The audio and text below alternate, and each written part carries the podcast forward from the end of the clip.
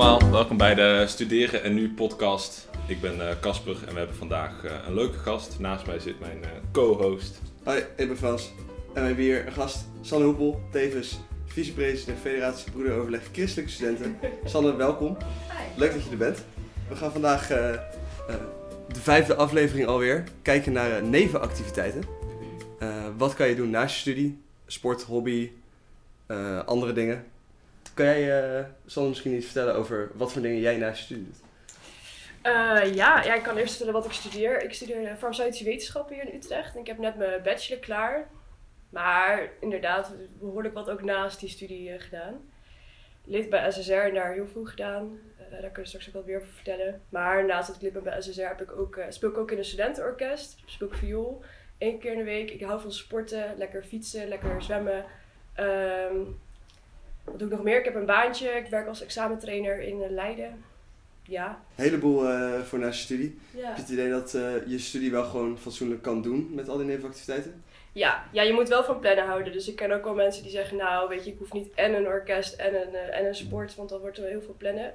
Maar het is zeker goed te doen, want de meeste studies heb je heel veel zelfstudie. Dat kun je ook in het weekend doen, dus dan kun je door de week nou, lekker een borreltje meepakken, uitslapen en eh, sporten en dan eh, de dag erna wel weer aan je studie gaan.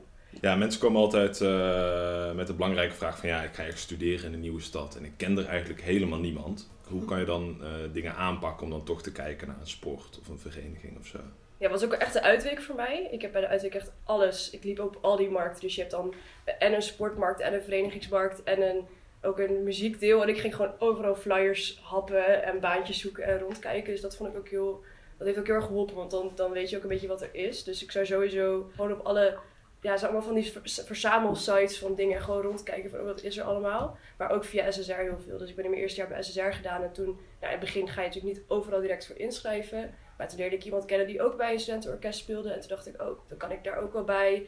Eh, ik heb toen ook ergens halverwege mijn eerste jaar gesolliciteerd bij mijn baan. En zo kom je ook via de vereniging en je huisgenoten en zo kom je ook aan heel veel dingen. Ja. Ja. Heb je tips om hoe je kan voorkomen dat je helemaal eh, overdonderd wordt door al die informatie? Ik kan me voorstellen dat als je kraampjes afloopt en je krijgt 20 verschillende flyers, dat het dan niet allemaal te lezen is eh, op de markt zelf. Want Je kan ook dingen uitstellen, weet je wel. Dus ik denk dat, dat een studentenvereniging is gewoon de perfecte basis. Want ik zei, ik ken dus heel veel van mijn dingen zijn ge- gestart bij SSR. En je ook bij gaan sporten met een vriend, goede vriendin van SSR. En dan kom je bij een chille sportschool uit. En orkest doe ik ook met iemand van SSR. Dus als je gewoon bij een vereniging gaat en verder een beetje oriënteert, dan kun je daarna het zeg maar een beetje uitbouwen. Dus je moet ook niet alles in één keer willen, want dat, dat kan heel overweldigend zijn in het begin. Dat zou ik ook zeker niet doen, maar gewoon lekker gaan uitbouwen. Ja. Goeie tip. Doen jullie eigenlijk dingen naast je studie? Ja, ik heb eh, eigenlijk ook door, door een vereniging heb ik eh, een baantje kunnen vinden. Het is natuurlijk, eh, als je student bent, kan je letterlijk overal werken. Want ze hebben altijd wel een pionnetje nodig die Ja. in een vak kan leggen. Ja. Maar ik heb een hele chille bijbaan gevonden die ook wel een beetje aanpast bij mijn, ja, mijn passie of zo. En dat is klussen. Ik werk namelijk bij Eager People. Oh ja. Dat is een facilitair uitzendbureau en dan kan je eigenlijk alles doen wat je wil. En dat zijn vaak verhuisklussen of administratief werk. Het is eigenlijk zo flexibel als je zelf wil. Ja, ik eh, denk dat het misschien tijd is om even te kijken naar wat eh, andere leden hebben gezegd over nevenactiviteiten. We hebben namelijk, eh, zoals jullie weten, weer vragen gesteld aan al onze leden. Eh, en de vraag deze week was, eh, hoe combineer je sport of hobby's en verenigingsleven met je studie en leg dit uit? Daar gaan we een paar responses van voorlezen. Ehm, nou, Sander had het net al over plannen. Hier zegt iemand, ik sta overal bekend als een slechte planner en een chaot, ook bij mezelf. Eh, dus dat is al een, eh, een goede tegenpol. Tijdens mijn studie heb ik altijd gesport eh, en ben ik erg actief bij de studentenvereniging. Doe ik veel dingen met mijn studievereniging, heb ik een bijbaan, deed ik vrijwilligerswerk en verdienen mijn vrienden ook nog aandacht. De truc zit hem erin, en dat is dan weer de tip van een lid, ehm, je agenda op je telefoon te gebruiken, want die heb je altijd bij je. Naar je college te gaan en elke week 1 à 2 volle studiedagen inblokken om dingen eh, en dingen als Netflix of gamen of wat dan ook af te zweren. Eh, want die voegen eigenlijk niet echt iets toe. Dat is meer eh, gewoon simpel vermaak. Ehm, dus ja, dat is een goede tip. Oh, dat is wel een goede tip inderdaad. Ja, want als je, je moet wel een beetje streng op jezelf zijn. Want als je elke dag wil Netflixen, dan wordt het een beetje lastig. Dus Ja. je Ja. moet gewoon goed van je tijd gebruik maken. Ja, het is een kwestie van discipline. Ehm, je hebt niet meer je ouders die je controleren. Dus als je niet naar college gaat, dan eh, ga je niet naar colleges. En niemand die je dan aanspreekt, totdat je misschien op het einde van het jaar ineens eh, hoort dat je niet bent geslaagd en je ouders je, het collegegeld dat ze voor je hebben voorgeschoten terug willen. eh, dan heb je wel een probleem. Zeker als je al die tijd geen bijbaan hebt gehad, maar inderdaad al je uren hebt ingevuld met Netflix. Maar goede tip, dus één à twee dagen per week gewoon blokken. Of als je de discipline hebt, een aantal uur per dag blokken. Dat je zegt, ik ga minimaal twee uur per dag studeren, één uur per dag chillen. Ja, Dat, of, of wat, mijn, dat werkt. wat mijn broertje hier, hier ook lid is doet. Die heeft nu aan het eind van het blok was hij erachter gekomen dat hij toch niet hard genoeg gestudeerd had. En die is nu twee weken lang elke dag om zes uur aan het opstaan en dan blokken. Ja. Werkt ook prima. Heeft hij acht weken gechilled en lekker gewerkt en eh, gezwommen en uitgegaan. En dan kun je twee, eh, twee weken studeren. Ja, Ook, ook een tip. werkt ook best aardig. ja. Minder mijn stijl, maar, maar je kan bij studeren, ja, je kan het altijd zo zelf inplannen. Dat is heel chill. Ja. Ja, ik heb hier ook een respons van een lid die eh, zegt eh, geen hoge verwachtingen van mijn cijfers te hebben. Dat het ongeveer wel eh, op hetzelfde niveau zit qua tip. Het is niet de beste tip, maar het is misschien wel de manier voor jou. Als je veel ballen in de lucht moet houden en niet precies weet hoeveel tijd je overal in moet stoppen, is het goed om jezelf te leren kennen.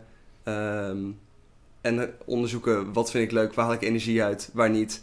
Ehm, en als, dat, als je je studie gewoon met mindere cijfers haalt, maar daardoor kan je wel super veel toffe dingen doen en eh, andere dingen leren, is dat op zich geen probleem. Ik denk ook dat, dat het goed is om te realiseren dat na, het is niet zo dat je na je studententijd dan opeens weer rustiger gaat worden. Dus het wordt juist, je leven wordt toch altijd alleen Ja. maar drukker. Dus als je een baan hebt straks of je krijgt kinderen en een gezin, dan moet je al helemaal veel ballen in de lucht houden. Ja. Dus dan is de studententijd ook de perfecte manier. Kijk, je gaat misschien, je gaat hoogstwaarschijnlijk een keer op je bek en je doet te veel.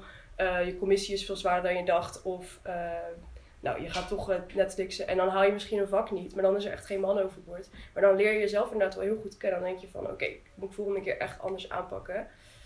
Dat is natuurlijk ook zo. Het is ook gewoon een beetje eh, uitvogelen en, en op je bek gaan. Dat eh, denk ik ook echt. Ja. Ik denk dat dat ook wel goed aansluit bij, bij deze respons. Een lid die zegt dat hij in het Archeon werkt. Dat is een bijbaan en tevens een hobby. En die zegt ook, het is gewoon heel belangrijk dat je een goede balans vindt tussen studie, werk en student zijn. Eh, en dat is op zich wel interessant, dat hij een eh, eh, goed onderscheid maakt tussen studie en student zijn. Ja. Maar daar hebben we het natuurlijk ook al eerder over gehad, eh, wat student zijn nou, nou meer inhoudt. Ehm, dat het dus heel belangrijk is om ook plezier te hebben en niet alleen maar te blokken, want anders dan verlies je na een tijdje ook gewoon die motivatie voor je studie. Ehm, Ik ben even aan het nadenken dat in het archeon doet. Zou het dan zo iemand zijn die van die broodjes bakt of zo? ja, misschien doet hij Dat wel lijkt me echt zwaardvechten super in de tof. spelen. Is hij degene die Is doodgaat is en met al het nepbloed? Dat zou tof zijn. Dat zou ik heel vet vinden. Ja, ik pak nog één respons bij. Ik zie inderdaad heel vaak planningen maken, eh vrijnemen. Ehm, hier zegt iemand ook, dat is misschien een goede tip voor eh, mensen die van sporten houden. Ehm, iemand die zegt, ik ga altijd wielrennen op mijn vrije middagen. Ehm, vervolgens plan ik mijn studie gewoon goed in. Ehm, maar haalt hij energie uit het sporten en eh, heeft hij daardoor weer motivatie om de rest van de week door te gaan. Eh, als dat voor je werkt, top. Ik heb zelf altijd met studie dat ik heel ambitieus ben en heel veel planningen maak. Van ja, ik wil dit echt doen, want dan kan ik eh, over drie dagen naar de kroeg. Maar dan komt er nooit iets van. Heb jij een soort van tips voor goede planningen? Hoe kan je jezelf er nou echt aan houden? Ja, wat zeg maar, want ook heb ik wel eens dat ik zo'n opdracht heb voor een studie en dat je denkt van ik heb er echt geen zin in dat je een essay van 3000 woorden moet schrijven. Nou, essay van 3000 woorden, dat krijg je niet in één dag fix. Sommige mensen wel, maar dat, dat lukt ook mij niet. Ehm, maar dan is het gewoon heel chill om met mensen samen te studeren. Dat doe ik ook best wel vaak. Dat ik zeg, ik ga in de biep zitten of bij iemand anders thuis en zetten twee laptops tegenover elkaar. En dan spreek je samen af wanneer hou ik pauze en je levert je telefoon bij elkaar in. Dat werkt echt top. Dan kun je gewoon echt hard werken. Ehm, ja, verder heb ik zo'n zo'n online programma voor to-do-lijstjes maken. Dus ik heb echt zo'n gigantische Trello met alles in categorieën. Dat vind ik ook heel fijn. Dus als ik dan... Want je hebt natuurlijk ook heel vaak dat je ergens mee bezig bent. Dat je dan allemaal andere dingen bedenkt. En dan ben je weer afgeleid. En dat kan natuurlijk wel voorkomen als je of dingen combineert.